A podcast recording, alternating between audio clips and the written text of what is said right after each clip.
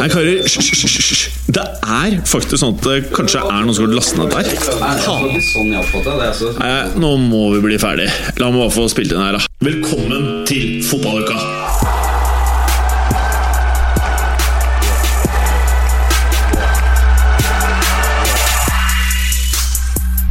Velkommen, kjære fotballukere. Og for alle andre som eh, er med på introen, tydeligvis, da, i studio. Eh, I dag skal vi igjennom Aston Villa spesial. Og hvorfor skal vi det? Jo, fordi han som sier yeah mikken nå, det er Christer Cuba Carsten! Yeah! Ja, der kom han. Eh, han er Aston Villa-supporter, og det kan dere sjekke ut på Instagrammen. For vi skal ta bilde av han i hans kostyme. Ja, for det er litt et kostyme. Masse rare farger. Og så er det Champions League, og for en syk Champions League-uke! Ellevilt. Eh, ellevilt. og så skal vi avslutte hele ja.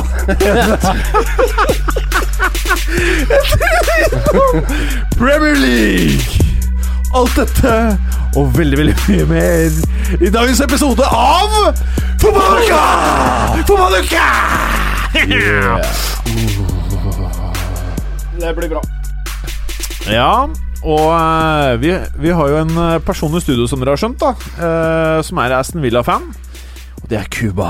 Men før skal til han, så må vi selvfølgelig innom Morten Galesen. Hei, Morten! Hei. Hei. Eh, I dag så har du på deg en T-skjorte med noe som da er Kan dette tilhøre kristendommen i en helt annen versjon av den? Det bildet man vanligvis forventer seg.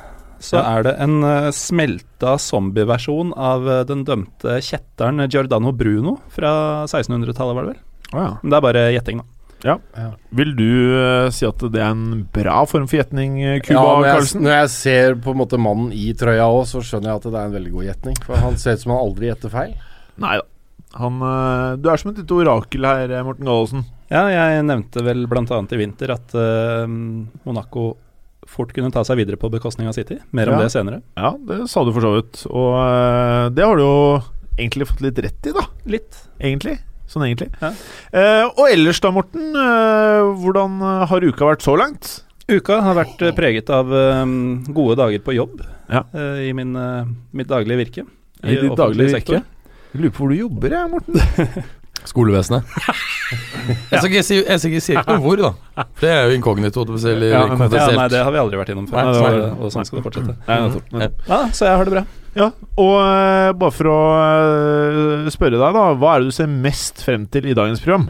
I dagens program så er jeg jo veldig glad for å se vår gamle favorittgjest. Uh, en av mange favorittgjester, men en av de større favorittgjestene. Oi. Cuba. Ja. Eh, han sitter rett overfor meg i Prebens sete, og det er jo den som sitter i det setet som jeg alltid er mest enig med Ja. uh, når vi spiller inn, og Fensberger. Så du er, du er konsekvent aldri mest enig enn meg? Uh, det stemmer. Ok, greit. Ja, nei, det er observert. uh, jeg også. Eller det er vel mer det at jeg og Preben har hatt en liten sånn uh, uuttalt bromance Ja, over det. flere måneder. Ja. Okay. Han er jo også den eneste i fotballuka som har vært invitert til en annen podkast jeg er med i. ja. Mm. Nei, det er han en som har vært med. Ja, ja, som har Jeg vært kan med. godt Ja, bytte plass med, hvis, dere vil sitte på, hvis dere vil sitte på fang og sånn, så kan jeg godt bytte, plass. Nei, men Preben er jo ikke her, så da, Nei. da er det deg Da blir det meg, ja. Det er Mm. du som gjelder for meg i dag. Ja, og med det, Cuba, velkommen skal du Tusen hjertelig takk, og jeg har gleda meg så lenge til Ja, dette greiene her. Det må jeg virkelig Si, ja. Ja, vi har invitert deg sikkert. Og så blir jeg jo positivt Ja, overraska når jeg sitter og humpler på bussen fra bondelandet, og så ser jeg at uh, Aston Villa er det store temaet i dag. Ja. Eh, For all the wrong reasons, selvfølgelig. Mener du det? Ja, jeg skulle jo gjerne snakke Aston Villa litt sånn i Leicesters uh, situasjon nå. Ja. For å være helt ærlig, men det kan jeg også komme litt tilbake til, så er det jo Aston Villa som burde der, vært der hvor Leicester er nå. Når gamle Mark Albrighton dunker inn 2-0-målet mot Sevilla, så sitter jeg og gråter litt, for han var en uh, helt uh, ubetydelig høyreving hos oss i mange år. ja. Og eh, da kanskje du kunne gjort noe mer med han, eller vil noen kanskje påstå? Ja, eller kanskje vi kunne gjort noe mer med mange av de som har vært i Aston Villa, men det skal jeg også komme tilbake til, for det er en sånn klubb som på en måte har måttet kvitte seg med kanskje han beste eller de to beste hvert eneste år. Eh, nesten i ti år nå, så det er klart det, det, det blir, eh, det blir eh, tynt etter hvert. Men fete fotballdrakter, det produserer dere. drakta jeg har på meg i dag, det, den er fra den siste oppturen jeg hadde. Da reiste jeg og min gamle far til Emirates og så serieåpningen for to år siden. Da spilte de jo sammen med Arsenal, da, og de slo Arsenal på Emirates i serieåpningen med 3-1. Ja. Kom under, og jeg tenkte fy faen, det her blir jo en uh, dyr og vond helg i, i London igjen. Men så klarte de å snu, den gangen Christian Benteke var ganske god for Aston Villa. Så da gikk jeg i rein rus og kjøpte meg den bortedrakta de brukte akkurat den kampen. Nydelig. Den er fin, er den ikke det? Og øh, for de av dere som Ingen ser mye på øh, Jo, den er, den er kul. Absolutt. Eh, For de av dere som ser mye på Paradise Hotel da, på Viafree, så vet man at Så vet man at uh, bettingselskapene herjer jo på reklameslåtten. Det bettingselskapet som du har på Aston Villa-drakten din, det er ikke liksom Det er ikke av det de. mest kjente. Nei. Nei, det, jeg tenkte på det samme. Ja, det er ikke, det er ikke jeg, det- jeg kjenner ingen som har betta der, så vidt jeg vet. Nei, men jeg, jeg merker jo når jeg ser Premier League-klubber, det er mye rare, faktisk veldig mye rare og ukjente reklamer over hele fjøla. Oh, ja? Dette er Daffabet. Analfabet ser ut som det står da ved første øyekast. Det står Daffabet. Har du betta på Jeg har aldri, jeg har aldri Du better meg- ikke? Nei, jeg, jo, men det er mer sånn Norsk Tipping og 20 kroner på langoddsen. Ja. ja. Men Cuba. Uh, Yes. Uh, din far. Min far, ja. Du sa far, et eller annet du var og så kamp med din far. Ja. Hvem er slash Hva har du å si om din far? Nei, jeg kan jo ikke si Jeg, får, jeg får lese noen eh, Jeg kan bare dra noen tall for dere. Han er seriemester og cupmester med Rosenborg. Han, er, han har 32 landskamper. Og så er det, det den statsen som jeg egentlig er mest på en måte stolt av. Da. Det er at det ene året han sto i den norske toppserien, så slapp han inn fem goller på en hel sesong. Oh, ja. Nå skal vi dvele litt ved den, gutter, for det tror jeg ikke er eh, gjort verken før eller siden. Fem goller, og da må jeg ta med at han slapp inn to i siste serierunde, hvor eh, medaljen allerede var delt ut. Det høres decent ut. Det er heftig. Han var bra. Ja, jeg skjønte han var bra. Eller han var visst bra. Jeg har ikke sett den sjøl så mange ganger, men eh, Nei. Nei, nei. Man skjønner jo han var bra. Han spilte også i Vålerenga og i Odd og i, Skott i Skottland. Og jeg kommer tilbake til en sånn liten sånn Aston Villa-link her, skjønner du, for den Ah. er litt artig i forhold til Ok, da lar vi det min, min inngang. Så tar vi den Yes! etterpå. Veldig bra, Men- Cuba. men hva heter han? Han heter Geir Karlsen. Okay. Dovregubben. Som om du ikke visste det, Mads Berger? Nei, jeg, jeg, visste du ikke spurte. Nei. Åh. Jeg følger ikke på norsk fotball i det hele tatt. Nei, nettopp. Jeg er klar over at Rosenborg er et lag, da, det vet jeg. Det har kommet liksom, ja. ja. Og der har det kommet Det er kommet en ny spiller fra Danmark. Ja. Eller fra Lorden? Ja, Lorden. Hva tenker du om det? Nei, jeg tror det blir uh, underholdende for oss som står utenfor. Jeg tror ikke det kommer til å bli noen uh, stor suksess. Jeg er usikker. Jeg vil si at dette er for første gang på veldig mange år at jeg faktisk skal se noen uh, kamper. Eh, som et resultat av Lorden. Det er jeg enig i. Det er jeg. Jeg skal se Men, nå. men men jeg er ikke overbevist om at en person som har så fryktelig dårlig holdning, kommer til å lykkes heller i Norge. Det er det jeg er, er redd for, altså. Det blir for meg litt sekundært. Jeg har lyst til ja, å følge med på alt underholdningsmessig, det, det blir bra. det Ja, andre. det er jo Så vi kan underholdningsbransjen. kose oss med det her. La oss gjøre det. Eh, ja, la oss bare uh, gå rett på Aston Villa, Cuba. Eh, hva er denne linken? Hvorfor artig, er du Aston Villa-supporter? Jeg er Aston Villa-supporter fordi jeg havnet på en fotballskole i 1979, hvor vi da delte etter lunsj. Så delte vi Noen måtte spille på Liverpool, noen måtte spille på Arsenal, noen måtte spille på United, og noen måtte spille på Aston Villa, for Aston Villa var ganske gode den gangen. Ja. Jeg spilte på dette Aston Villa, hadde aldri hørt om klubben. Kommer hjem og snakker med pappa og finner ut av at han hadde spilt fotball i Skottland med han som da var kaptein på Aston Villa. Alan Evans. Oi. Og da er jo linken selvfølgelig til stede, når fatter liksom var kompis med han som var kaptein på Aston Villa. Da begynner det å bli artig. Og så ringte pappa en gang, husker jeg, til England og lot meg få snakke med sjølveste Alan Evans. Da var jeg jo ikke nede på altså Jeg er sikker på ingen andre visste hvem Alan Evans var den gangen, men for meg så var det som å snakke med sjølveste Kevin Keegan eller Kenny Daglish. Så etter det så har på en måte ballen rulla. Jeg har fulgt med, og så har jeg i voksen alder også bodd i Birmingham, litt for å makse studielånet mitt og tenke at eh, nå skal vi kose oss litt uh, under avslutning av studiene. Så jeg bodde der borte og hadde sesongkort og har fulgt Aston Villa i tykt og tynt. Det er jo veldig trist det som skjer med, med gutta mine om dagen, da, syns jeg. Det er jo det. For det er en uh, How the mighty have fallen, sier de der borte i England, og det er jeg helt, helt enig med. Altså, eh, Preben har skrevet noe i programmet til oss her i dag. Her står det Villa var en av grunnleggerne av Premier League og kom på andreplass i første sesong av PL. Ja. Eh, og de var lenge et topp seks-lag. Ja, Eh, helt fram til Martin O'Neill ga seg bare på nylig på 2000-tallet, faktisk. Så var Aston Villa hvert eneste år og krangla om Topp seks. Til og med Ferguson, blant annet, var jo en som mente at uh, om ett lag skal bryte opp den klassiske topp fire, dette Yes. er mange år siden, Mm. så blir det Villa. Ja. Uh, jeg håpa litt på det. Jeg har egentlig alltid hatt en viss uh, respekt for Villa. Fra da jeg begynte å følge med på fotball, så slo de gjerne eller var vanskelig å spille mot for uh, laget som jeg holdt med som tiåring, uh, og fortsatt for så vidt. Bournemouth. Uh, nei, de kom først seinere, etter at jeg flytta dit, som du liker å si. Men det er liksom så mye riktig med Villa. da. Kanskje feteste stadion som har vært i Premier League, i hvert fall de siste ti åra. Mm, Går man enda veldig lenger tilbake, stadion. Logoen, fargene, draktene Hvorfor er stadion så veldig fett? Hva sa du? Hvorfor er Villa Park så fett? Fordi det både er eh, massivt, eh, men eh, klassisk sånn old school og egenarta. Svære, bratte tribuner. Inngangspartiet er jo helt magisk. Det er faktisk Den er laget i 80% er i rød teglstein, som det heter. Murstein. og- og Holt End, som da hjemmesupporterne står på. Som er uh, Villas The Cop, da, for å si det sånn. For å ta den andre kjente. Den er faktisk enda større enn The Cop, hvis dere ikke visste det. Den tar flere mennesker, så det står flere mennesker bak mål og heier på Ikke nå om dagen, da, men uh, når det er pakka der, så er det flere mennesker på The Holt End, som de kaller det enn det er på The Cop. Og så har jeg også lyst til å si, når jeg bodde der borte, så var jeg selvfølgelig på en sånn omvisning med en sånn gammel uh, guide eh, knekt der borte. Han fortalte meg en liten sånn artig greie med dette emblemet. Ja. For Aston Villa er faktisk det aller, aller første Nå, må vi bare tro på min kilde der borte, da. Han var sånn stadionguide. Han forteller at Aston Villa var det første klubben i England, i det engelske seriesystemet, som begynte å gå med logoen på drakta. Oi. Så det er eh, Det er stort. Ja, jeg- det er en stor klubb. Det er en fryktelig stor klubb, altså. Og så skriver Preben videre. Var lenge topp seks-lag, men så gikk alt til helvete. Ja. Eh, hva skjedde med Nei, denne klubben i denne perioden, og hva skjer fremover? Ja, Det var et enkelt spørsmål å svare kort på. Du får bare ta alt. Det, er, eh, det har jo noe med at Aston Villa på en måte aldri brøyt opp i denne her, dette her toppsjiktet, men hele tiden lå og stanga og stanga og var veldig gode.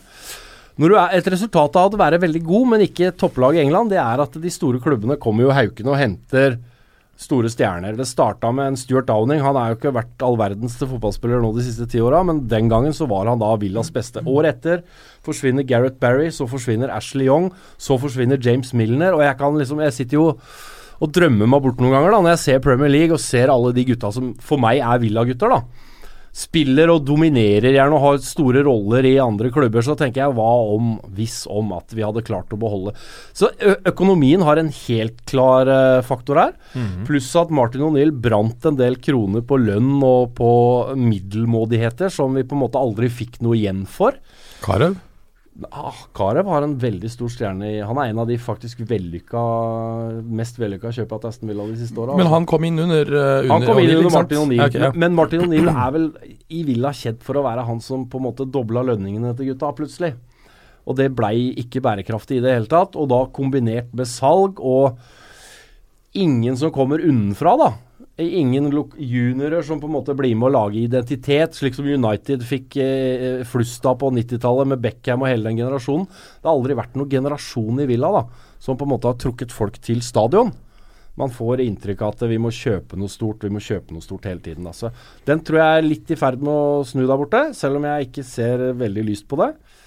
Men eh, nå har de fått en ny kinesisk eier med masse sånn eh, tulledollar i lommene, så vi driver jo og handler. Vi har jo satt eh, handlerekord i championship nå. De to spissene vi har kjøpt nå, det er liksom to Vi har eh, brutt rekordene da på kjøp av spillere internt i championship. Okay. Vi ga 15 millioner pund for Scott Hogan, som klarte å ødelegge ankelen etter eh, 12 minutter.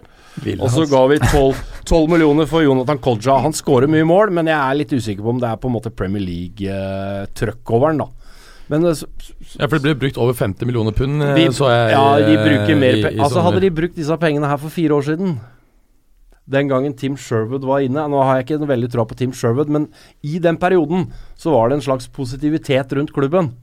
Vi Mm. gikk til en FA-cupfinale, og Tim Sherwood ble sett på som Selv om han var litt sånn eh, ikke veldig taktisk stor da, i våre øyne, supporterne, så var det i hvert fall en, en drive der. Mm. Så hadde de på en måte brukt pengene den gangen, og ikke nå. Jo, men altså De brukte jo pengene den gangen. altså I februar 2012 så leverte de 2011-tallene, og det viste 54 millioner pund i underskudd allerede da. Ja. Ikke sant? Så Ja. man har jo brukt penger her. Økonomistyringen har jo, jo Jeg har bare gått gått gjennom en del av, av tallene, og det ser helt jævlig ut fra en til annen. Det gjør det Eh, ut, det har ikke vært noen struktur. Nei. Eh, du har heller ikke brukt penger da på som utvalgte kjøp. Dette kan vi ha en resalgsverdi på på Nei. noen år senere. Nei. Så man smurte tynt utover. Kjøpt drittspillere for ganske høye eh, priser. Ja, og helt gitt høye. Ja, det er lønner. riktig. Og Det det går riktig. til helvete. ikke sant? Sånn kan du ikke drive. Og den store grunnen til at det går til helvete, det er jo det året altså Nå er vel det tre sesonger siden, hvor de holdt på å rykke ned. Det er liksom sånn holdt på holdt på å rykke ned. Og så velger de da neste år å på en måte hente inn 13 nye spillere. Ja, og, Ja, og- og- Bare og- prøv, begynn ja. å blande Ja, ja. inn 13 nye spillere i en tropp som allerede er nede på sokkelesten. Ja, ja, Liksom. og det var ni spillere som faktisk kom nå i, i sommer, for det var favorittallet til han derre Tony Shia, som er, er, eh, eier dem. For øvrig så Tony Shia han er jo, han er jo Aston Villa-fan. Han Ja. eh, studerte i England og, og falt da for, eh, for Villa. Har en eh, formue på rett nord for 1 milliard dollar, så han er Mm. ikke noe sånn der eh, Qatar-rik, men Uh, og kjøpte vel klubben for 76 millioner pund da i 2016, ikke sant, i Mm. fjor sommer. Mm. Men, men det er klart at uh, jeg bare sett en del av hva han har blitt quotet på. på en måte skal være planen, Man skal bygge sten på støen. Det er greit nok, han sier ikke noe mer enn det. Men her er altså målsettingen. Han sier at det tar kanskje to-tre år å komme mm, Nei, ett til to år til å komme opp til Premier League. Så eh, fem-seks år fra nå så skal de eh, vinne Premier League. Og så hold deg Ja. fast, ytterligere to år etter det, altså om en eh, syv til åtte år, så skal de vinne Champions League. Ja, ja, Ja, ja. ja. Jo, jo. Det høres jo greit Altså, ut, det, det, det, er, det, er, det er så urealistisk jo- at Nei, det eh, er ikke helt urealistisk. Jo, det er, helt urealistisk. Altså, seriøst, hvis Du kan godt vinne Champions League med Villa, men da må du bruke 30 milliarder kroner. Da Da vinner du selvfølgelig Champions League. Nei, men, Men- men- men, Leicester eh, har vel ikke brukt 30 milliarder på Nei, det, noe det som helst? men det er jo helt unikt. Det med Altså Punkt én er jo at de må da gjøre bedre spillekjøp, for det har vært ganske Selvsagt, mye dårlige kjøp. selvsagt. Så å bruke penger på et Det- speidernettverk må jo være ganske Det du sentralt. egentlig sitter og sier nå, det er jo det at de har jo ikke hatt noe rød tråd i den klubben Nei, her. på veldig lenge. en, en, en, en vinrød tråd, da, Ja. som jeg liker å kalle det. Å, bra, Cuba. Ja, de har jo ikke hatt noe vinrød tråd på det de har drevet med nå i ja, på 15 år. Nei, Spesielt ille var det jo han, han Randy Lerner, som ga Ja. egentlig ganske langt faen, Ja. og som heller er Ja. mer kjent For jeg for, kan jo- jeg- Cleveland Browns i NFL. Jeg må jo bare nevne det, gutter. Som også går til helvete. Ja. Ja. Men når jeg bodde der borte, den gangen jeg bodde der borte, det var mange år siden, det var i 97 allerede. Det, Kanskje det var samme periode nest- som du var der, Gallosen? Nesten med en gang. Men nå skal dere høre Nå skal dere høre hvilket nivå det lå på den gangen, da, kontra nå, da. Den gangen jeg flytta dit, så kjøpte de altså Like etter at jeg flytta til Birmingham, og da ble jeg så veldig glad, for da kjøpte de Stan Collymore. Oi. Og den gangen så var han faktisk den dyreste spissen som noensinne var blitt kjøpt og solgt i England. Mm. Enorme forventninger. Og det viste meg den gangen at her, Villa kan jo på en måte være med å shoppe litt, men det var jo før shoppingen blei helt ellevill, når City og gutta kommer inn, ikke sant. Men, men, men den gangen så følte man at Aston Villa kunne på en måte gjerne hente en fra Liverpool uten at veldig mange reiste øyebryna på det. Ja, Det er interessant, ja, for du så jo også sånn som Real Betis tok jo satte jo ny verdensrekord med kjøp av Denilson. Det var jo en gigantflopp, og det var vel rundt 96, var det ikke det? Jo, Det var, Fin eh, periode Ja, for fotballen. Hæ? det var nok litt seinere. Ja, før eh, dine sånn- favoritter fra Madrid, fra den spanske høysletten, kom inn og bare proff, Ja. sprengte alt, liksom. Med Galactico-perioden. Vi selger Jeg lurer på om Nilsson-overgangen var etter dette såkalte prøve-VM i 97. Ja, det Eh, kan så stemme. sånn 97 Det kan 98, stemme, den ja. tida der. Ja. Eh, men eh, apropos overgangsrekorder og Collymore. Det er jo ganske sykt eh, hvor vi var for bare ca. 20 år siden, og hvor vi er nå. Fordi eh, da United kjøpte Andy Cole Ja. i 94-95-sesongen fra Newcastle, så brukte de den da absurde mengden 7 millioner pund Ja. på han. Mm. Uh, og um, sommervinduet, holdt jeg på å si, det var ikke vinduer da, men uh, sommeren uh, som kom etter, da brøt Liverpool den rekorden da ved å kjøpe Colomar for 8 millioner pund. Samtidig så var det interessant å se hvor lang tid det tok eh, før um, Real Madrids uh, Zinedine Zidane-kjøp i 2001 ble brutt. Det ble jo ikke brutt før faktisk åtte år senere. Så det går jo litt i rykk og napp, men etter Ja. det så har du på en måte dratt det gjennom kraftig igjen. Da. Men Ja. million pund var faktisk en ganske, et stort steg. Ja, ja, 16 det er Eh, fra i sin 7 til 8. Ja, der ser du. Det er 15 mm. Bra. Ja, så, men eh, vi, vi, vi har jo litt trua på denne klubben, og nå er jo Steve Bruce bak rattet. Det er mer sånn eh, Vi får en sånn følelse, vi som Ta mikken litt nærmere munnen. Ja, Litt lenger ned, kanskje? Litt lenger Litt lenger ned. Sånn. Ja, der, ja. Mm. Nei, vi, vi, vi som er supportere, vi får en sånn følelse at nå er det på en måte bare å holde vannet Altså holde båten tett ut sesongen. Men altså på papiret så syns jeg Villa har et mye bedre lag enn de har hatt på mange, mange år, jeg, faktisk. Mm. Men så blir jeg litt sånn lei meg når jeg ser f.eks. Idrissa Gay i Everton herjer i Premier League. Han var vår bare for to år siden. Så det er Jeg får en del påminnelser på hvor Villa kunne vært bare ved å se andre fotballspillere. Altså. Det gjør jeg, det må jeg si. Men det ser jo litt dårlig ut for, for opprykk i år. Det er vel Det kan vi bare eh, glemme. 14, 14 poeng Ja, opp til playoff. Det er bare å glemme. Jeg har sett det på stats her, og, og, og borteformen er jo Det er ikke så gærent hjemme på Villa Park, men, eh, men borteformen så er det 19. dårligste i ligaen. En annen interessant ting er at eh, så mye som nesten 25% av målene kommer som følge av personlige feil fra spillere. Det er verst i championship. Helt sjukt. Ja. Men da må jeg, før vi runder av, gutter, hva, hva, jeg må jo spørre dere. Hva betyr Villa for deg, f.eks., Jim? Hva, tenker, hva er det første du tenker når du tenker Aston Villa? Eh, når vi Cuba, ble kjent, uh, Cuba, så uh, Jeg vet ikke om du husker det, men du spurte meg hvilket lag jeg holdt med. Du Eh, svarte vel Real Madrid, tror jeg. og det er jo uh, hvis, da, hypotetisk, det var Real Madrid jeg svarte. Ja. Eh, Nei, jeg husker det nemlig. Ja, hypotetisk sett, da. Eh, så kunne det jo vært det. Eh, og hvis det var det, så er jo det en klubb med et litt annet utgangspunkt enn eh, veldig mange andre klubber.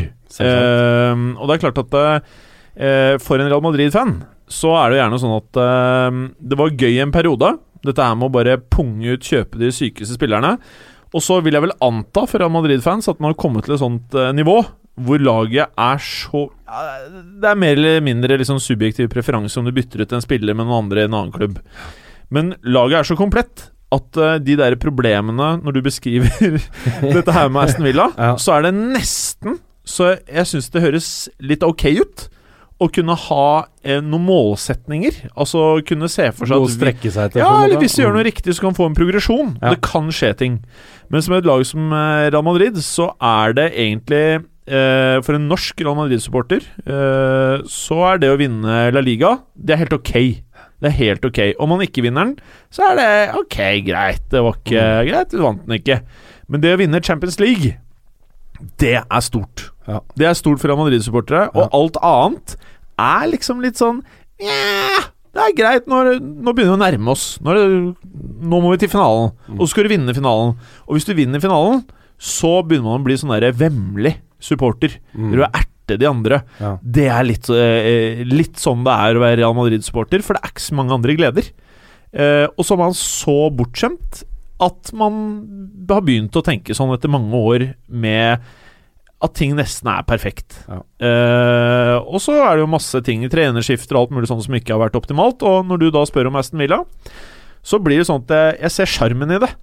Men eh, det er Skjønner ikke vitsen. Nei, men det er et helt annet univers, da. Det er, Ja, det er en helt annen greie, og det er mye mer eh, sånn fotballen en gang startet. At du holder med et lag, og at du føler tilhørighet, enn en Real Madrid-supporter fra Norge som basically randomly fant Mm. en klubb, og så var den eh, veldig godt rusta for å kunne gjøre alt mulig, da. Mm. Men allikevel så er man Real Madrid-supporter, og man er Aston Villa-supporter. Men jeg syns at det virker som en kul greie å være Aston Villa-supporter, men jeg har null liksom sånn Altså, det kan bli kulere.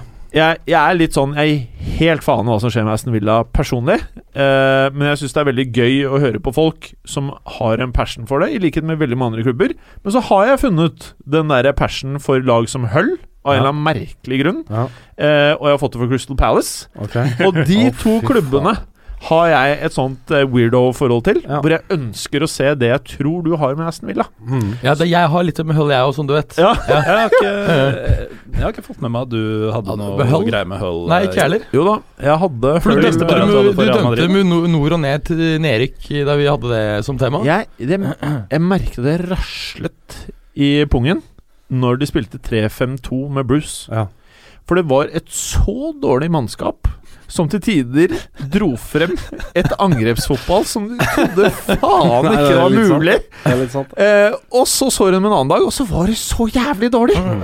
At du satt der og lurte på hvordan i helvete kan du Det går én uke fra at de så nydelige ut, til at det er så dårlig! Så jeg ble egentlig litt sjarmert. Jeg ble veldig sjarmert av det. Mm. Og så var det sånn derre El Mohammadi som spilte flying wingback, eh, angrepsvåpen, bare alt. Og det er noe sjarm i det. Mm. Det er noe sjarm i det. Det er det. Men så ser du plutselig på Real Madrid dagen etter, da. Så ser du som at du har Marcello på venstre, Carvahal på høyre, og så har du en som heter Ronaldo, en som heter Bale. Og så, og så Ja. mister du litt, da. Ja. Det er mitt forhold til Aston Villa ja. og klubber av den størrelse. Og så skulle jeg ønske at jeg ikke var så fæl, da. At uh, jeg var jo storklubbsupporter. Og det er jeg jo, da. men det er lov, det. Det er lov.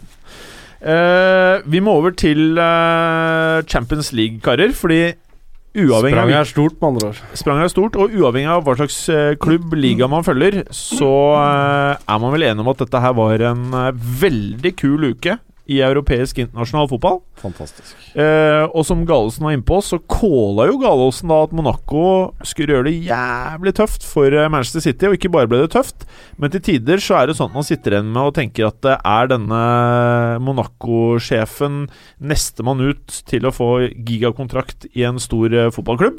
Eh, men nok om det. Hvordan ville du eh, valgt å analysere oppgjøret mellom Monaco og Manchester City, Morten Gallosen? Nei, I programmet som Preben eh, sendte ut, så var jo en av de tingene jeg skulle ta opp, var Var dette fett? Hvorfor? Hvorfor ikke? Var dette fett, trenger vi ikke å svare på, men hvorfor? Altså, Var det fett? hvor skal man begynne? Eh, Det var fett! Det var kjempefett. det, det, det, var jo et, jævlig fett. det var jo et helt sykt førsteoppgjør, Ja. eh, som denne for så vidt ikke nådde opp til sånn For, for det var jo et kaos på Etiad, eh, hvor Monaco tidvis dominerte og så kollapsa til en viss grad og tapte 5-3. Eh, og jeg tenkte jo da jeg satt på en eh, på en eh, amerikansk sportsbar i Jerusalem og så den matchen, at det femte målet, det var på en måte kroken på døra. Der røyk spådommen min. Og så så jeg lagoppstillinga i går, og Falcao og Glick, de to, to av ganske få spillere med rutine Bra, i dette laget, Ja. var ute. Helt ute. Ikke på benken engang. Og jeg tenkte helvete. Men jeg setter meg ned, da. Tenker at uh, Kylian er kul å se på. Og så er det jo 2-0 relativt tidlig. Og det er et eller annet med det Monaco-laget, den kombinasjonen i forkant av 2-0-målet, hvor LeMar og Mendy bare rett og slett venter til han andre er i posisjon, og så dobler på kanten her. Det er sånn jeg spiller PlayStation. Mm. Uh, så den uh, hele, hele Monaco-laget er masse unge ekstremferdighetsspillere eh, som spiller uh, Gallåsen-fotball. Og så får vi inderlig håpe at det ikke blir bare røska i filler til Nei, men det sommeren. er jo det som f- Ja, det er sommeren. Nå, nå var jeg litt tidlig på den her, for jeg tror vel ikke Monaco er så stabile. Så jeg er, vel jeg er liksom litt sånn usikker på hva slags utgave får vi neste gang mot en annen type motstand, ikke sant? Ja, men har ikke Jørgen For her kan det stabile her, være- Aasen? Det laget her ehm, Ja, kanskje jeg er på tynt er jo øh, egentlig satt sammen som et resultat av at han rike eieren plutselig ikke var rik lenger. Ja. Eh, fordi hamstra jo stjernespillere. De kjøpte Hames, Falcao, Motinho og sånn for en del uh, somre tilbake. eh, og skulle bli det en ny maktfaktor. Og så gikk det til helvete ganske fort, fordi han skilte seg og skilte plutselig halve formuen til kona. Så de kvitta seg med de store navna. De solgte Hames, de sendte Falcao på rådyre utlån i et par sesonger eh, osv. Og, så videre. og så har de da henta inn unge talenter og satsa mer på akademiet sitt og sånn. Og nå sitter de der da hvor alle de beste spillerne er mellom ja, 18 og 24. mm. Eh, Ja, bortsett fra Falcao, da, som har kommet tilbake i form. ja, men eh, dette er spillere som de eh, har Altså, mannskapet totalt sett har de betalt veldig lite penger for, Mm. eh, med unntak av Falcao og et par andre. Og den eh, fortjenesten de kan sitte igjen med, om de skulle bli ribba, den er helt ekstrem. Ja, jeg er helt enig. Jeg, samtidig så tror jeg at uh, de sitter med ett ganske bra kort i sommeren, og det er at det er eh, bare ett år til, eh, til VM, og, og veldig mange spillere vil være litt forsiktige med å bytte klubb året før VM for å miste landslagsplassen sin. Og når Mm. du ser at uh, Mbappe har i dag faktisk fått sin første uh, call-up til det franske landslaget For flere av disse er jo i etableringsfasen. Ja. Eh, Bernardo Silva var jo egentlig tenkt å være med Portugal til, eh, til EM i fjor. Ja. uh, men ble skada. Så han er på en måte ikke blitt en nøkkelfigur der ennå. Han blomstrer jo i Monaco og kan bare tape på å bytte hvis landslagsfotball er viktig for ham. Og det er det jo heldigvis fortsatt for mange ja, spillere. det er det fordi, og, Så jeg, jeg tror at en god del av spillerne fortsatt kommer til å være der til høsten, men de kommer sikkert til å gjøre ett stort salg. Uh, Bakayoko f.eks. Noen Uh, kan, uh, kan f.eks. gå. Mm. Men eh, jeg tenker jo han Er det flere enn meg som Hva er det han han derre Martial kosta igjen?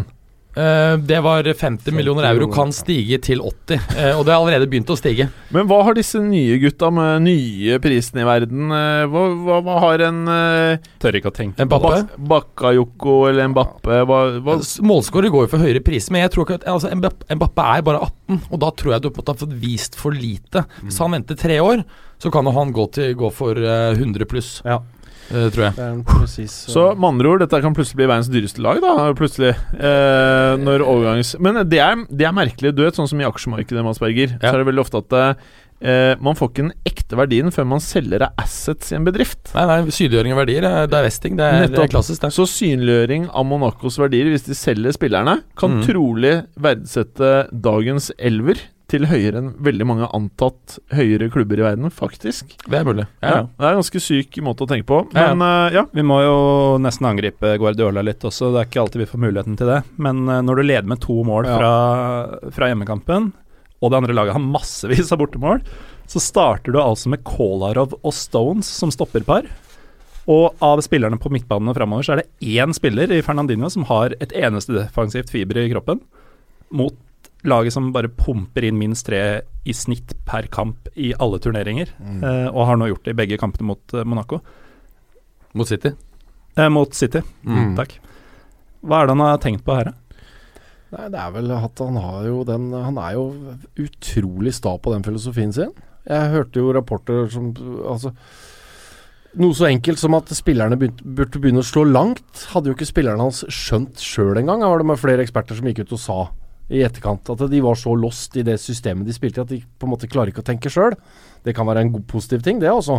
Men det er klart, når, eh, når stormen kommer fra alle kanter, og du trenger litt voksne mannfolk og noen som er litt fotballkloke, så er jeg kanskje ikke sikker på om City har det ute på banen. Ja, det er i hvert fall ikke spillemateriale som passer typisk til å slå, slå langt. ikke sant? Det er jo mye offensive spillere der som er, er teknisk sterke. Samtidig så er det klart at Guardiolas eh, offensive systemer er såpass intrikate at eh, det tar lang tid å lære. Da han lykkes så raskt i, i både Barcelona og delvis i Bayern, så er jo det litt fordi at der hadde han noen eh, altså et klart bedre spillemateriale, vil jeg påstå, i begge tilfellene.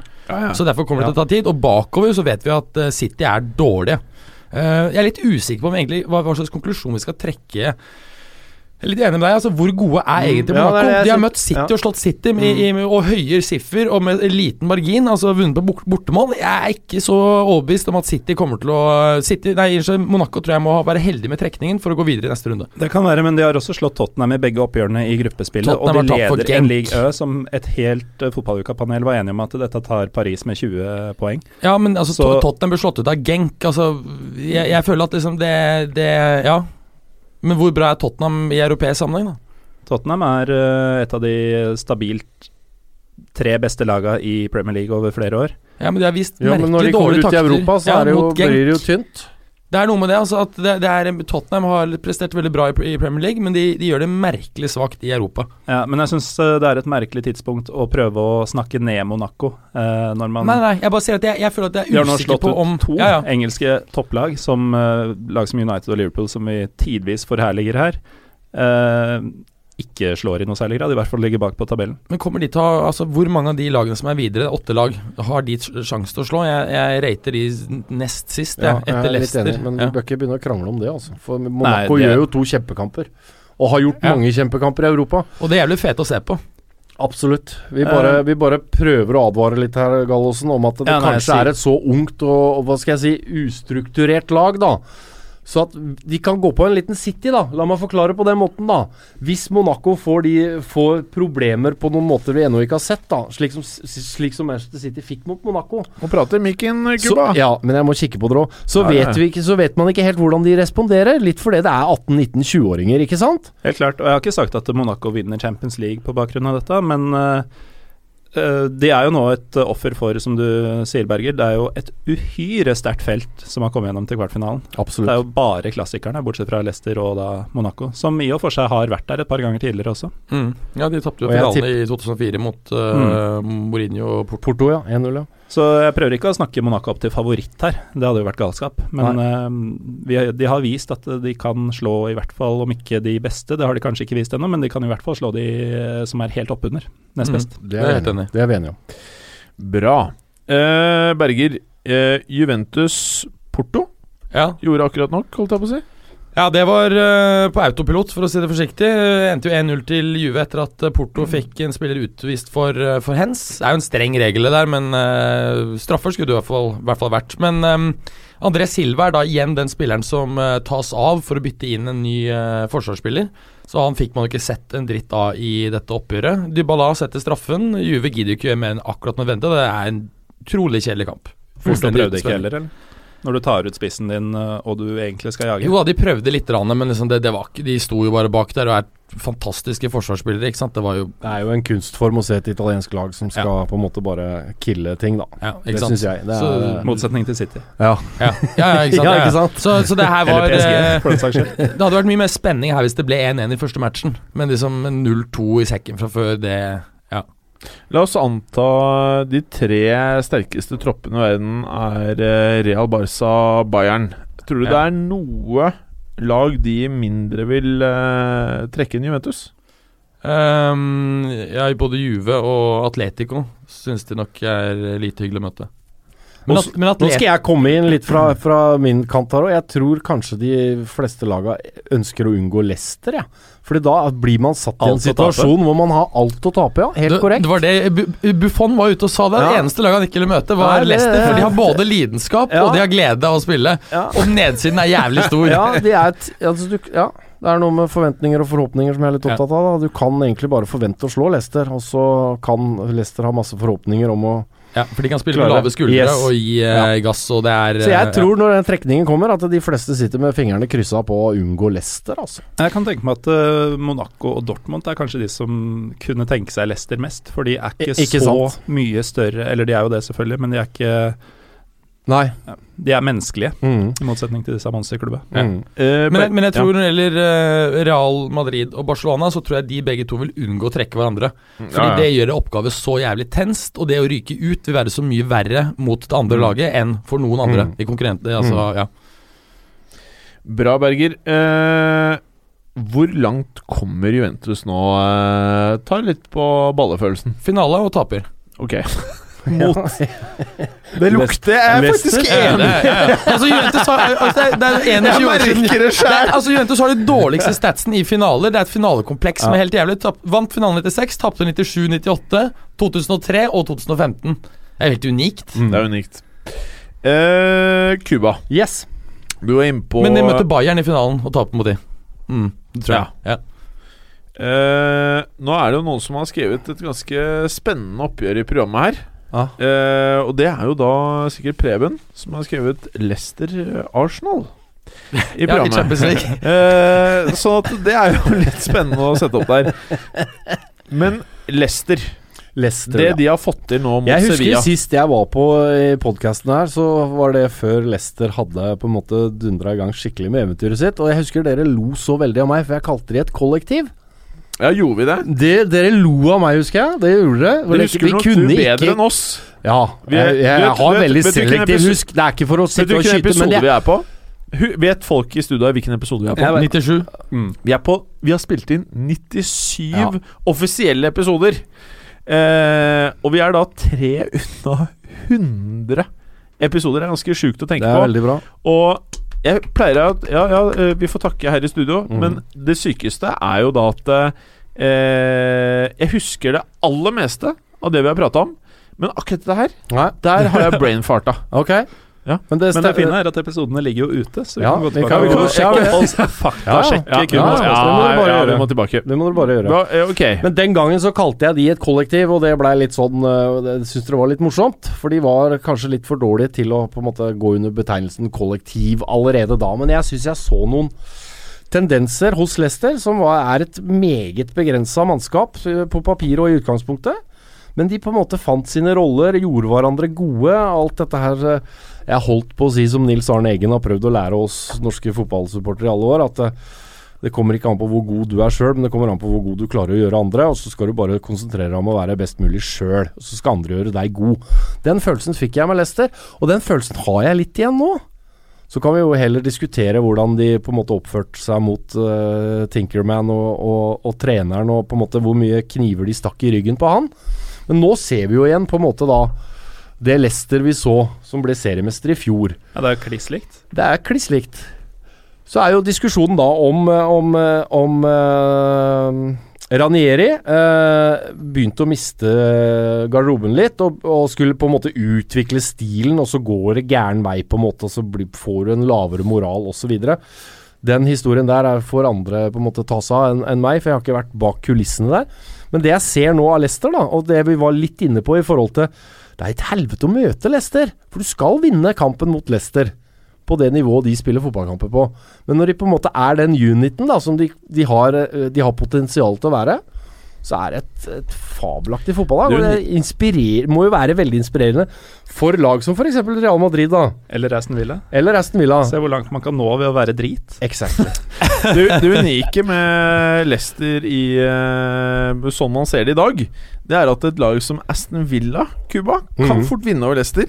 Ja, de, altså i min bok så skal jo Aston Villa vinne hver gang Aston Villa mot Leicester står på tippekupongen. Så krysser jo jeg Mens Leicester kan med litt fantasi knuse Real Madrid. Og det er en ganske ja, syk situasjon å Ja. være i. Ja. Uh, men er det noe mer du vil ta med fra oppgjøret til Leicester i Champions League? Nei, ikke Ja, nei, men altså de møter jo et ikke all verdens veldig bra fotballag heller, og de får lov til å være seg sjøl litt, uh, føler jeg. Men, uh, men jeg, jeg tror på en måte det oppsummerer litt, at det er disse her den her gamle spiriten som er litt tilbake i veggene på, på King Power. Føler jeg. Og, det er, og de prosenta du henter ekstra der, de er på en måte fabelaktige, og de vi, vi vinner fotballkamper for deg. Jeg føler at den spiriten uh, egentlig begynte At den eh, markerte sin retur da Jamie Vardy reduserte til 2-1 Det er, i Sevilla. Mm. Som, I det som viste seg å være Ranieres siste match. Mm. Uh, og så har det bare gått én vei siden, og de ender opp med å gå videre her. Ja. I, jeg husker i hvert fall jeg og flere av oss, eh, husker ikke hvem i farta, trodde jo at eh, Sevilla hjemme mot Leicester for et par uker siden skulle bli mos. Mm. Ja. Ja, ja. Eh, Altså, absolutt. så fikk de en lifeline, mos, ja. men selv da tenkte jeg at æsj, de tar ikke dette. Vet du. Ikke to mål hjemme mot uh, dette Sevilla-laget. Men det gjorde de. Det gjorde de. Så, De hadde jo greid seg bare med ett, da. Også. Ja, det er sant. Men jeg forventa at eh, Sevilla skulle skåre. Gallosen. Mm. Atletico Madrid eh, Leverkosen er eh, Nummer én, var dette noe særlig til match å se på? Nei, det er ingenting å nevne herfra. Uh, Leverkosen retter opp litt av inntrykket etter første kamp. Jeg, jeg så jo, eh, som jeg nevnte tidligere, jeg satt jo i Jerusalem og så matcher for to uker siden, eller hva det blir. Uh, og um, der står det jo på hebraisk, de leser fra høyre mot venstre. Så vi satt og så på City Monaco. Og så så jeg på skjermen ved siden av at det bare ble dundra inn mål til hjemmelaget. Og jeg var så glad, for jeg håpa jo at eh, mitt, eh, ikke mitt tyske lag, men det tyske laget mot det spanske laget, det ville jo da bli mitt lag automatisk, for jeg liker tysk fotball bedre. Mm -hmm. jeg var så positivt overraska helt til jeg skjønte at ting sto baklengs. At det var. At Leverkosen hadde gått på et håpløst utgangspunkt etter hjemmekampen. De ble most, tapte 4-2 hjemme. Og det at de klarer å holde nullen her, er uh, veldig positivt, faktisk. Fordi den backrekka de stilte med, var helt latterlig. Oh, ja? uh, faktisk mer sånn som kampen ble, så var det nesten rarere at Atletico holdt nullen. For Jan Oblak hadde jo blant annet denne trippelredninga Ja, som den var Mm. fantastisk. Han er, men han er, veldig, altså. han er veldig god, en veldig, veldig veldig god keeper, syns jeg. Altså. Ja, det er galskap. Ja. Eh, Leverkosen hadde faktisk mange gode sjanser. Det oppsummerte egentlig litt dems sesong, at alt går stang ut. Når, eh, nå hadde vel kanskje ikke noe stolpetreff her som jeg kan huske i farta, men eh, det vil seg ikke. Det da. knyter seg hele tida når det gjelder. Noe som så førte til at dette var 17. eh, på hjemmebane i Champions League av de 20 siste som Atletico har holdt nullen. Ja. Mm. Det må jo være en unik Det statistikk. ganske vilt. Ja. Og går til kvartfinale for fjerde år på rad. Er Atletico Madrid eh, For å ikke være kjip, da, istedenfor å si om de er en reell utfordrer, er Atletico Madrid i dine øyne, Gallosen, blitt Champions League-rutinerte på nivå med Real og Barca, føler du? akkurat det laget de har nå, eh, som har vært stort sett det samme de årene som de har figurert i kvartfinaler og bedre de siste sesongene, er jo for så vidt det. Fordi eh, alle disse lagene har jo bytta ut en del spillere, men kjernen i Atletico-laget som har vært med på hele denne oppturen, er i stor grad den samme. Men eh, selvfølgelig totalt sett så er det jo ikke det. Det er jo mye mer Champions League-kultur i både Real Madrid og Barcelona. Men eh, fortsetter de sånn, så vil de jo være der om noen år. Dessuten så er det jo som vi har snakket om tidligere, de er svakere defensivt eh, nå. De, de har flere offensive spillere på banen. eh, men det er klart at det i utgangspunktet, det tror jeg gjør det kanskje mer i stand til å vinne Champions League. Men det har gjort at de nettopp blir ganske langt unna ligatoppen i, eh, i La Liga. Så jeg tror de har ganske gode muligheter jeg, til å kanskje få revansjert dette, disse to tapene mot Real Madrid. Vi har jo pratet tidligere om at eh, Atletico Madrid på mange måter føles som et italiensk lag i La Liga. Eh, og Ja. det har jo alltid vært litt gøy, eh, med sånn defensivt, supersolid tidvis kynisk eh, fotballag med han fete treneren de faktisk har, da. Ja, Han har Eh. tross alt spilt veldig mye i Italia, så det er vel, henger vel sammen med det. Ja. Eh, så vet du hva? Tidligere så har vi vært veldig sånn Vi tror Atletico kan ta Champions League. Og i år så føler jeg at det er veldig lite press på Atletico Madrid i forhold til tidligere sesonger. Jeg føler ikke at eh, vi går inn i neste runde nå med at folk reelt sier at Atletico Madrid eh, er blant favorittene. Og jeg tror nettopp at en sånn type greie faktisk kan være For det er så, det er så små marginer her. Det er så små marginer i neste runde nå at det trekker du riktig. Eh, du har ikke de skadene som motstanderne har. Gutta dine har den rette dagen på banen. Plutselig så vinner du den kampen, og så er du der. Og så har du tilfeldigheten, og så tar du det.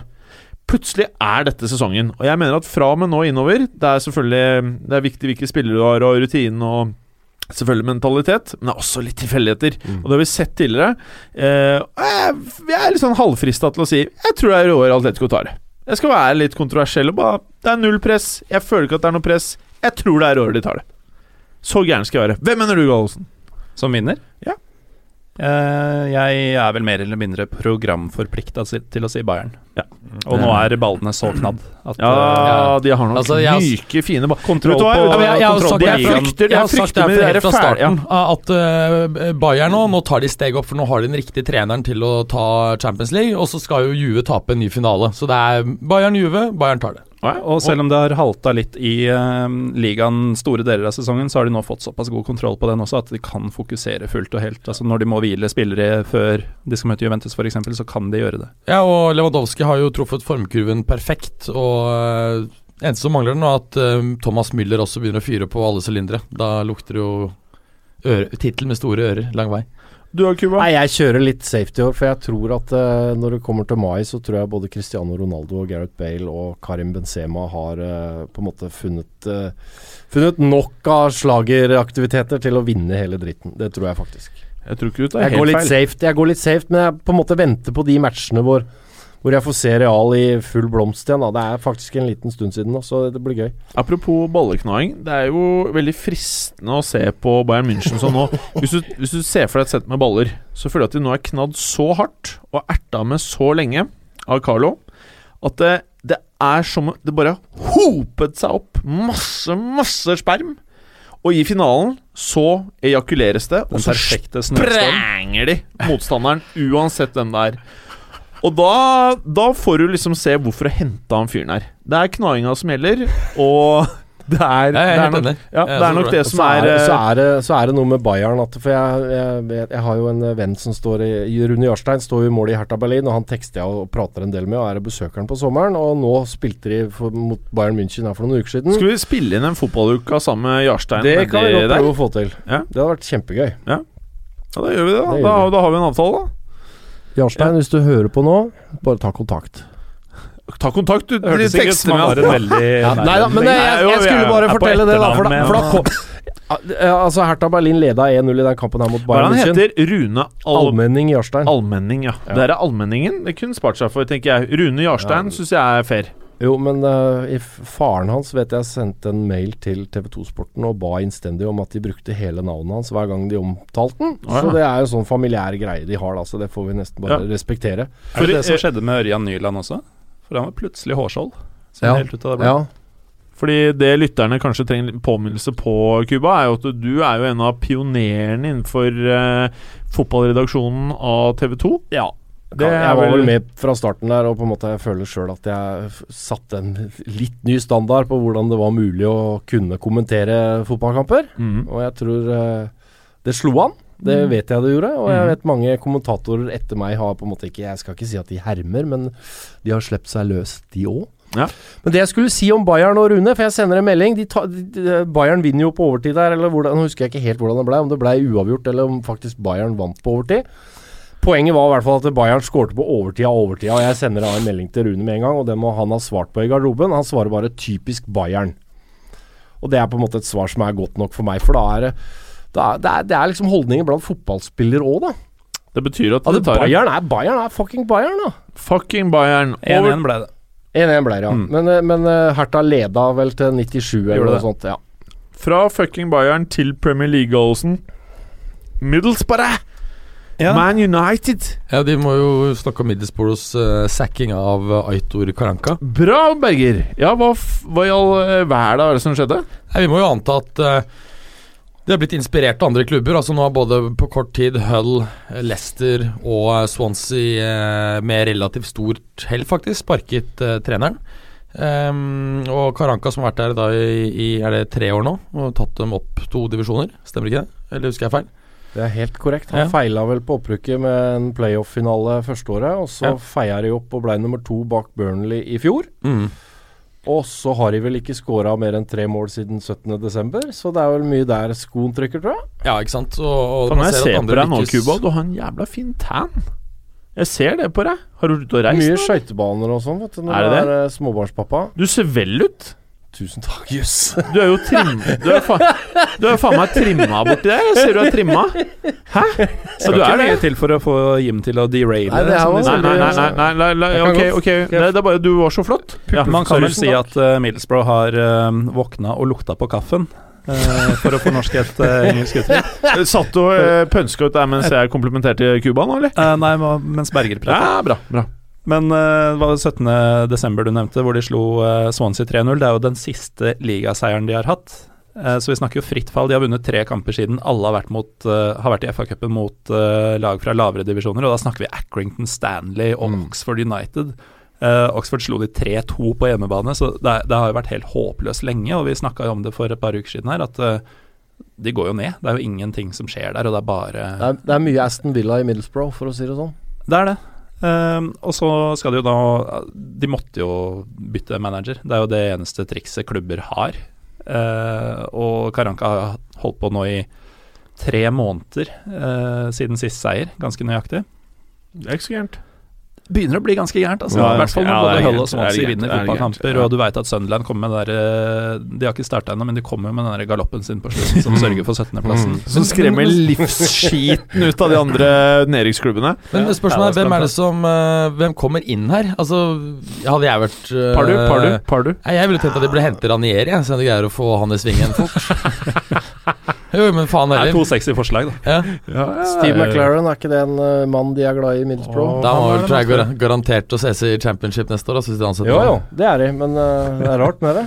Ja. Mm. Jeg, be, beste de kan, hvis ikke de finner på en måte en ung, spennende trener sånn eh, altså à la Marco Silva, så tror jeg jo at Ranieri må være et fantastisk bra valg. Men hva driver sølvreven Fabrizio Ravanelli med? Har ikke han en kjempestanding på oh, oppi nå nord her? prater vi sexy. Ja.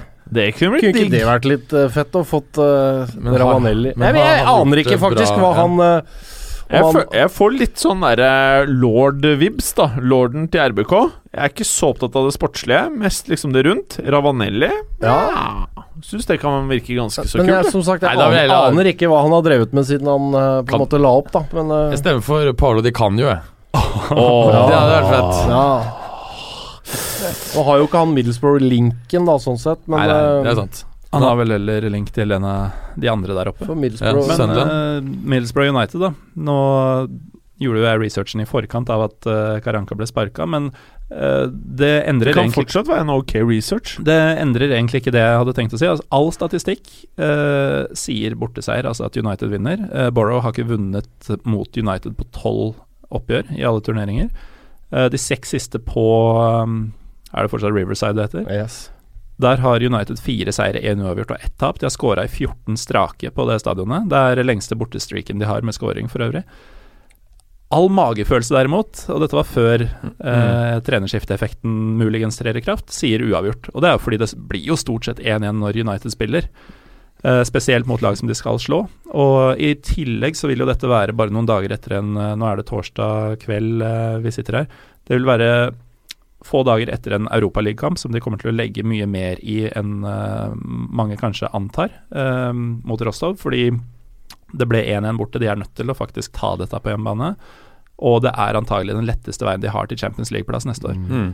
Eh, så det kommer til å være et ganske mørt United. Og selvfølgelig det kan jo stå 4-0 til pause for alt jeg vet i den kampen, og da sparer de seg jo, men Ja. Og uten Zlatan igjen. Og de er uten Ibrahimovic, som har hatt 24,3% av Uniteds avslutninger i ligaspill denne sesongen. Mm. Og kombinasjonen med at, uh, at du statistisk sett får et i fall kortsiktig oppsving etter å bytte trener, så, så kan du fort få en U her, altså. Ja, Det ja det, det blir jo u- Det er jo ukas sikreste. Mm. Eh, Det er sjelden man kan sette sikker Men U på jeg tenker jo litt sånn Dag. Gallosen, at når du skal sette en U på Middlesbrough i dagens situasjon, så ville jeg heller satt en 0-0. De skårer jo ikke mål. Nei, men uh, United finner en måte. ja, ikke sant? Men det er et par landemerker på gang. Da. Dersom det skulle bli United-seier, så vil det bli deres uh, Premier League-seier nummer 600. Første lag som når det. Ja. Uh, og Middlesbroughs tap vil da være deres tusende på toppnivå. Ikke i Premier League, men i historien. Eh, lag nummer 14 som når den milepælen. Det er deilig milepæl. Nice. Eh, Cuba. Ja. Stoke-Chelsky. Chelsea. Ja.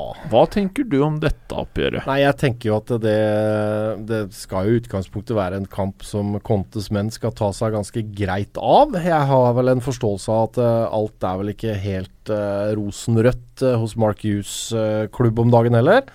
Vi har en Wilfrid Bonny som furter og egentlig ikke skjønner Det syns jeg er fascinerende, for jeg ha, sa jo det allerede når Wilfred Boni gikk til Stoke.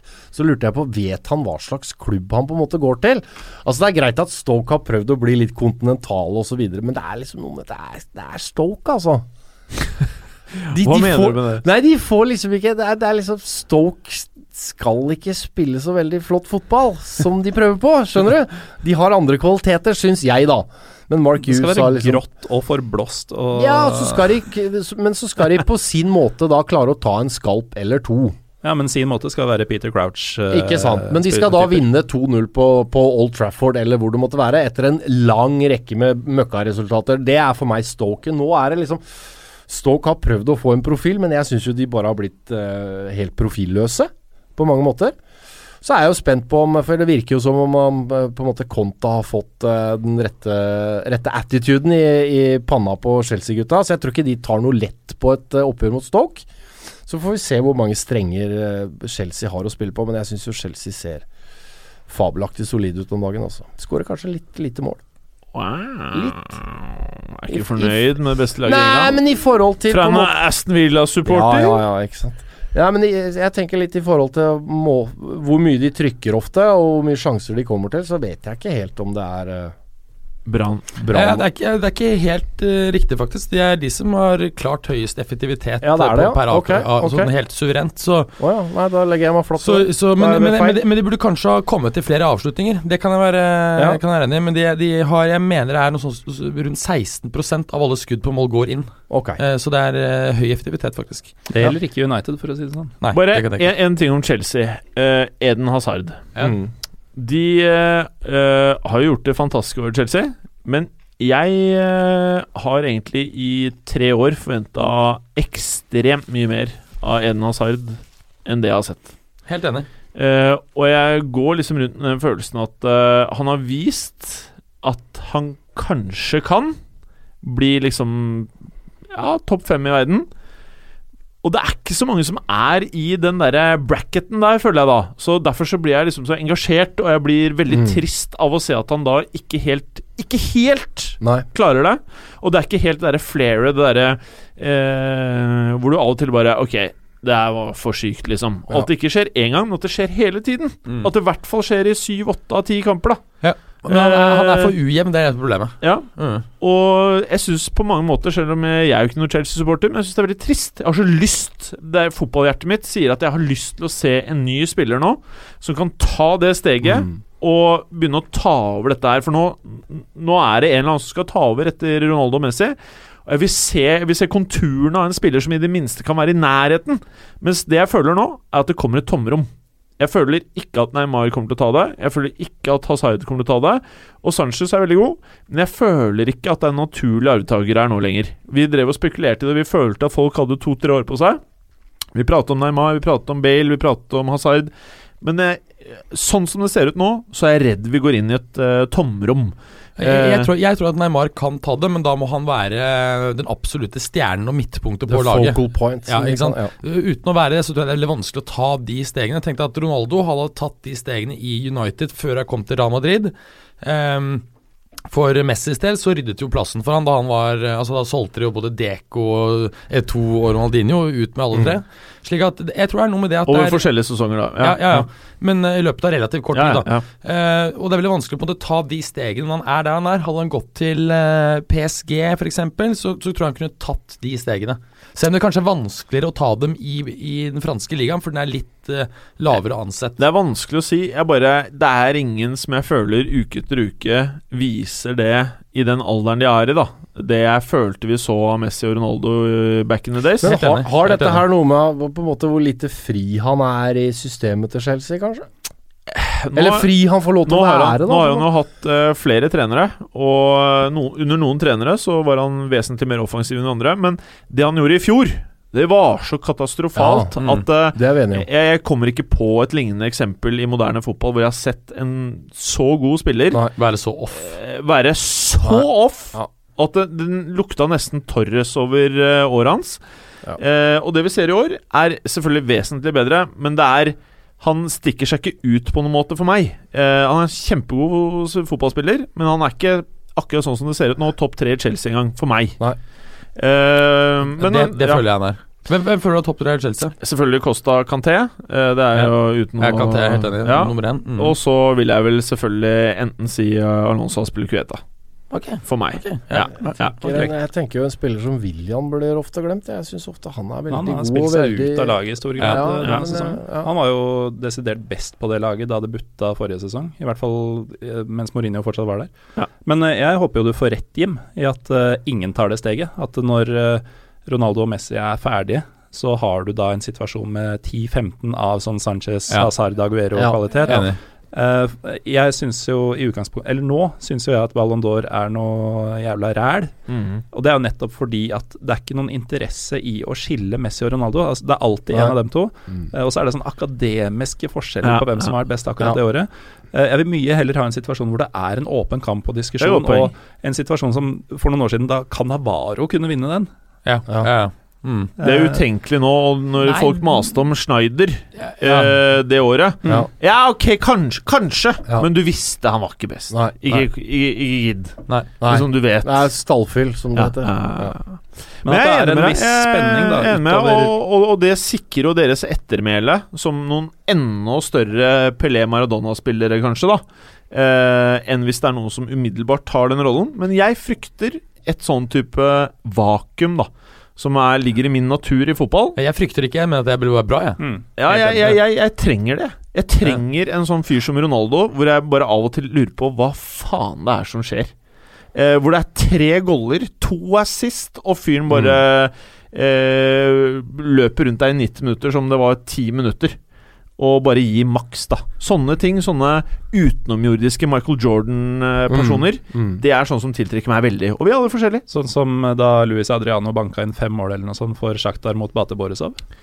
Eh, Ja, det husker jeg faktisk. Kanskje Ja, akkurat det, men eh, det var et kult øyeblikk. Eh, hvis du skjønner hva jeg mener. Det var magi. Det var, var for noen magi. Eh, Berger, et London opp Nei, ikke London, for det står jo West Brom. West Brom Arsenal. Ja. Eh, jeg føler nå at vi er inne i en sånn litt spesiell eh, periode med Arsenal. Eh, er dette året hvor de faktisk choker på topp fire, mener du?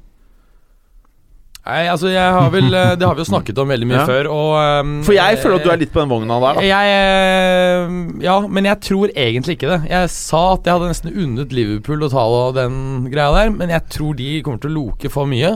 Så jeg tror de faktisk tar topp fire. Men jeg lurer på om ikke Wenger kanskje gir seg til sommeren. At han gir seg, eller at han gåsetegn gir seg. Nei, at han gir seg. Okay. Er det noe, hva, hva er gåsetegn gir seg? Det er at noen andre sier at 'nå har du gitt deg'. Og så høyere opp i systemet. at du gir ja, Oh, ja, sånn ja. Ja. Eh, nei, at eh, nei, du nei. gracefully Nei. sa at 'nå er min tid over'. Eh, nei. Eh, eh, men jeg, Jeg tror, nei, jeg tror at han bestemmer det helt selv. Eh, og de har jo hatt en dårlig En dårlig ja, altså tre tap på siste fem Premier League-matcher. Men det vi har snakket om tidligere med typisk med Arsenal, er at man virkelig tror at nå er det på vei til å bli noe virkelig stort Så kollapser de, og det samme når de har vært igjen med en drittperiode. Så går det bedre enn. Og nå er det fasen at det skal gå litt bedre enn. Ja, og jeg har jo også vært sånn at jeg tenker at ok, nå, nå ryker det faktisk for dem. Eh, og så viser det seg at nei, United begynner å spille 1-1 mot alle båndlaga igjen. Ja. Så da blir det ikke dem. Eh, Liverpool slår jo bare lag som Arsenal, Ja. eh, og møter stort sett ikke lag som Arsenal. Hmm. Så det blir ikke dem heller. Da er jeg tilbake til å tenke at Arsenal Og bare Tottenham har mista Harry Kane og det ene med det andre, så det er ikke sikkert det blir de heller. Jo, Tottenham tror jeg får eh, topp fire. Ja. Tottenham Ja vel, dere er veldig sikre på det, altså? Ja, det er det er så jævlig solid. Det er vel eneste laget som ikke har tapt på hjemmebane. Okay, okay, ja, det er så solid, vet du. Det der, London-laget der, da. Det er så solid, da, vet du, Kuba. Solid så lenge vi slipper å spille mot Genk, f.eks. Da går det litt til helvete. Du har hengt opp i det der Ja, da ble jeg helt sjok sjokkert. Altså, Men så du hva. Genk gjorde med Gent forrige torsdag, eller? Hva Genk gjorde med Gent? Ja, Ja, okay, og vant 5-2 på bortebane. Så Genk kødder du ikke med. Nei, I motsetning til Gent, som er en katastrofe. Var det Gent eller Genk han Trond Solli det var? Gent. Det var Gent, ja. Jeg var på Gent-kamp eh, på det nå revne Jules Otten stadion i Åh, Gent eh, i 2010. Så de taper hjemme mot St. Troiden en iskald eh, Oi. februarkveld. 0-1. Oi. Og det jeg tar med meg fra den matchen og opplevelsen, er at eh, jeg eh, hadde pådratt meg E. coli-bakterien uten helt å vite det. Jeg trodde jeg var fyllesyk, men jeg ble bare dårligere utover dagen. Så jeg var i forferdelig forfatning. En annen ting er at eh, spikeren på stadion eh, etter hver eneste announcement eh, ropte 'Buffalo' med litt sånn dårlig innlevelse. Oh, ja. Ja, stemmer det. Du har litt sånn indianergreie på emblemet sitt, var det ikke det? Mm. Hva- Det virka som man forventa at publikum skulle gjøre et eller annet i ettertid, men det gjorde jo ikke det. Så det ble bare sånn 'Buffalo' Men hva er årsaken til denne indianerlinken? Vi må kanskje videre. Ja vi må videre. Ja, du, Eh, kan du bare fortelle meg hvem som vinner mellom West Brom og Arsenal, da? ja, Arsenal, var det jeg sa. Ja, ja, nei, ok, Og resultatet, sa du noe om det også? Ja, det- 2-0 til Arsenal. 2-0, ja. ja. Nettopp, nettopp. Ja, det blir eh, bra. Gallosen, vi var innom at eh, de kanskje da må klare seg en periode uten Kane. Er det noen nyheter på hans eh, skadesituasjon eh, før oppgjøret mot Southampton? Han spiller vel neppe mot Southampton, det Neppe. kan vi vel eh, si. Eh, nå er det ikke nødvendigvis Harry Kane de trenger for å slå Southampton. Uh, for Jansen?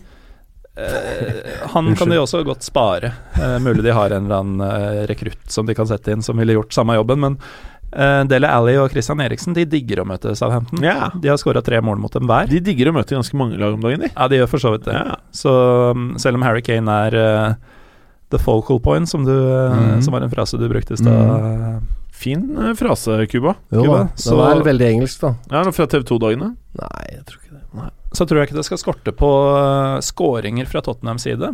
Jeg tror heller ikke det skal skorte på skåringer fra Southampton. Jeg ser for meg et målrikt og morsomt oppgjør. Mm. mye fordi det er to av de lagene jeg liker best å se, faktisk, i Premier League. Tottenham Oi. syns jeg spiller herlig fotball når det flyter, og det gjør det for tida, i hovedsak, bortsett fra når de møter Genk.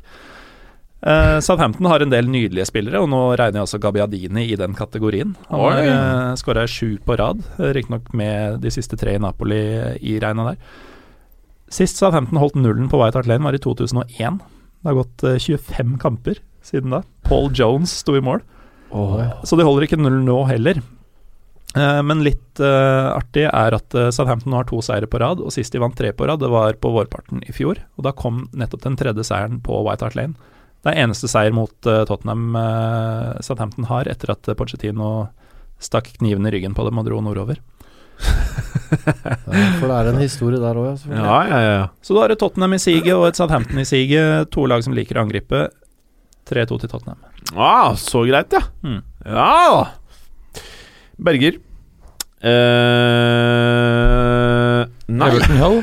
Cuba. Skal vi ta din eh, først, eller? Ja, nei, jeg, jeg syns dere klarer det her bra, jeg, gutter. Ja, vi kan godt ta Jeg hadde jo spådd eh, 0-0 på Southampton, så det er mye moroere å høre på Gallåsen enn meg. Ja, men nå er Sånn du en gang i den stolen. Jo da, jo da, men jeg bare tenkte sånn. Ja, jeg bare eh, tenkte i og med at du sitter i stolen her, da at du kunne sagt noe om City Liverpool. For mange kanskje toppoppgjør denne runden her.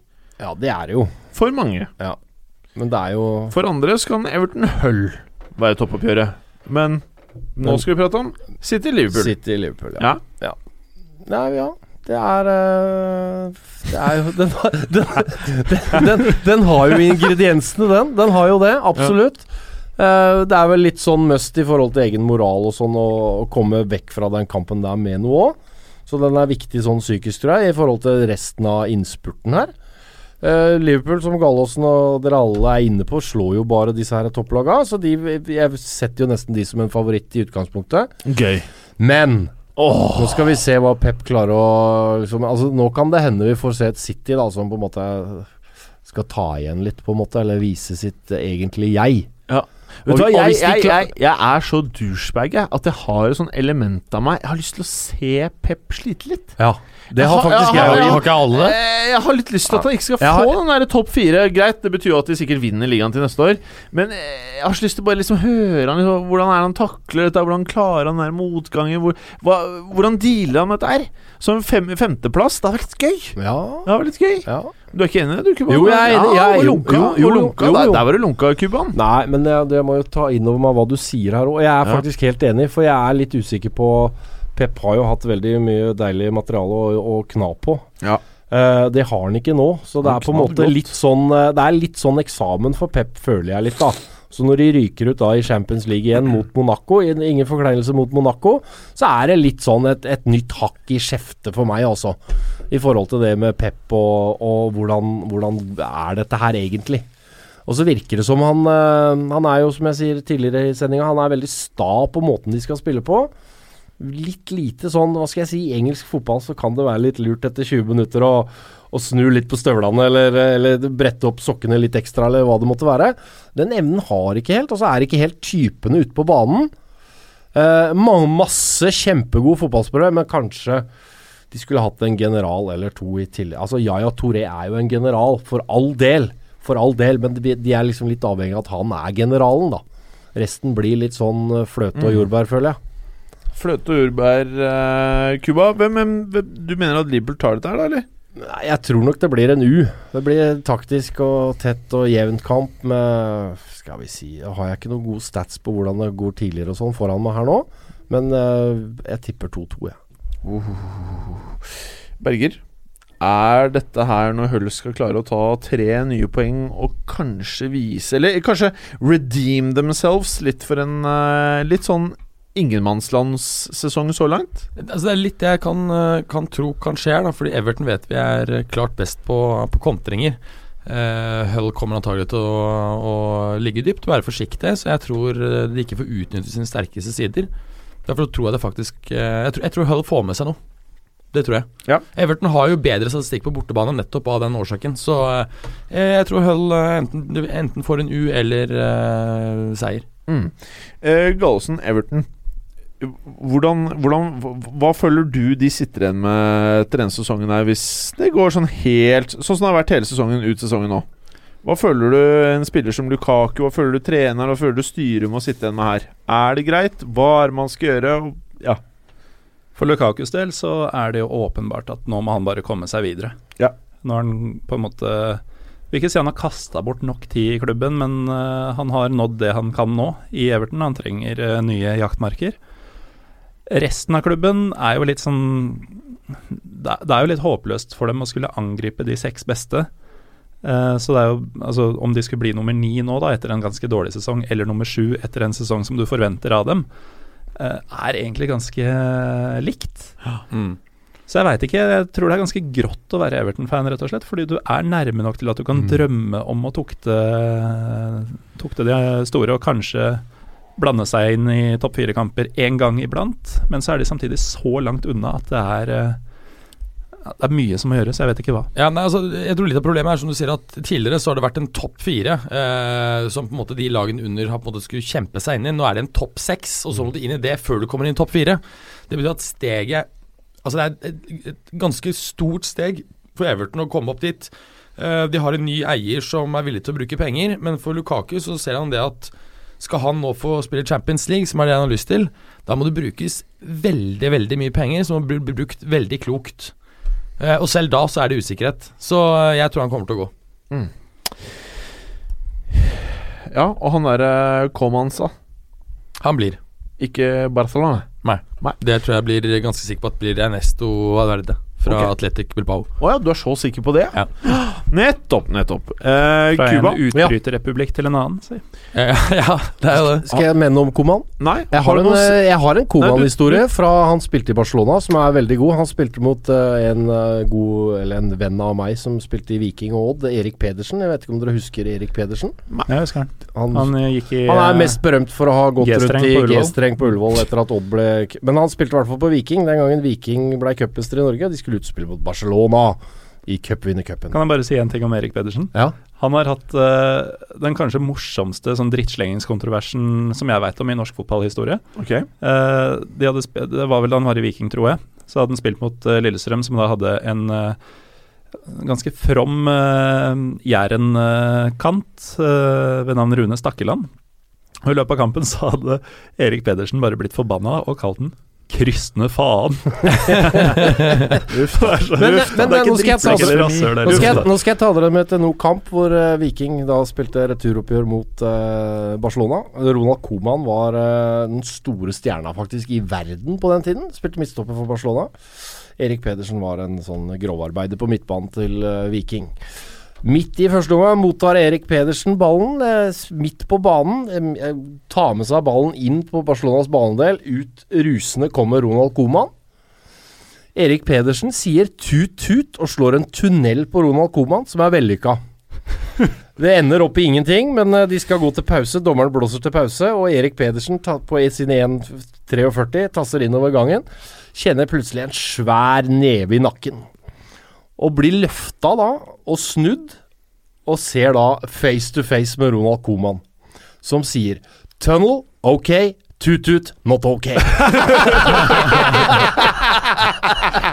Jeg trodde inntil nå at eh, det at han hadde sagt tut-tut, bare var noe han hadde funnet på sjøl. Nei, skal visst være sann, den der, også. Den er en fin en. Ja.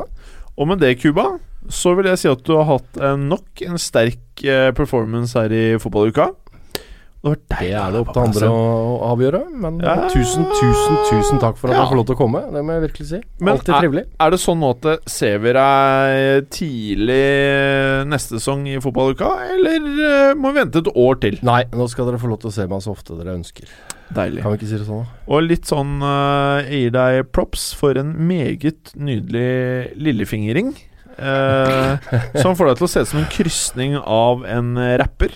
Og The Thing fra Fantastic Four. Ja, ja, Han Steinmannen. ja, mm. ja, helt riktig. Bra, bra Jålsen. Nå var du flink. Da Eh, det du skulle si? eh, og med det så takker vi for i dag, eh, Mads Berger. Takk skal du ha.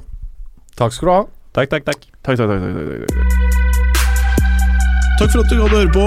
Vi er Fotballuka på Twitter, Facebook og Instagram. Følg oss gjerne. Se, se, Men bare få høre. Den tror jeg blir litt fet.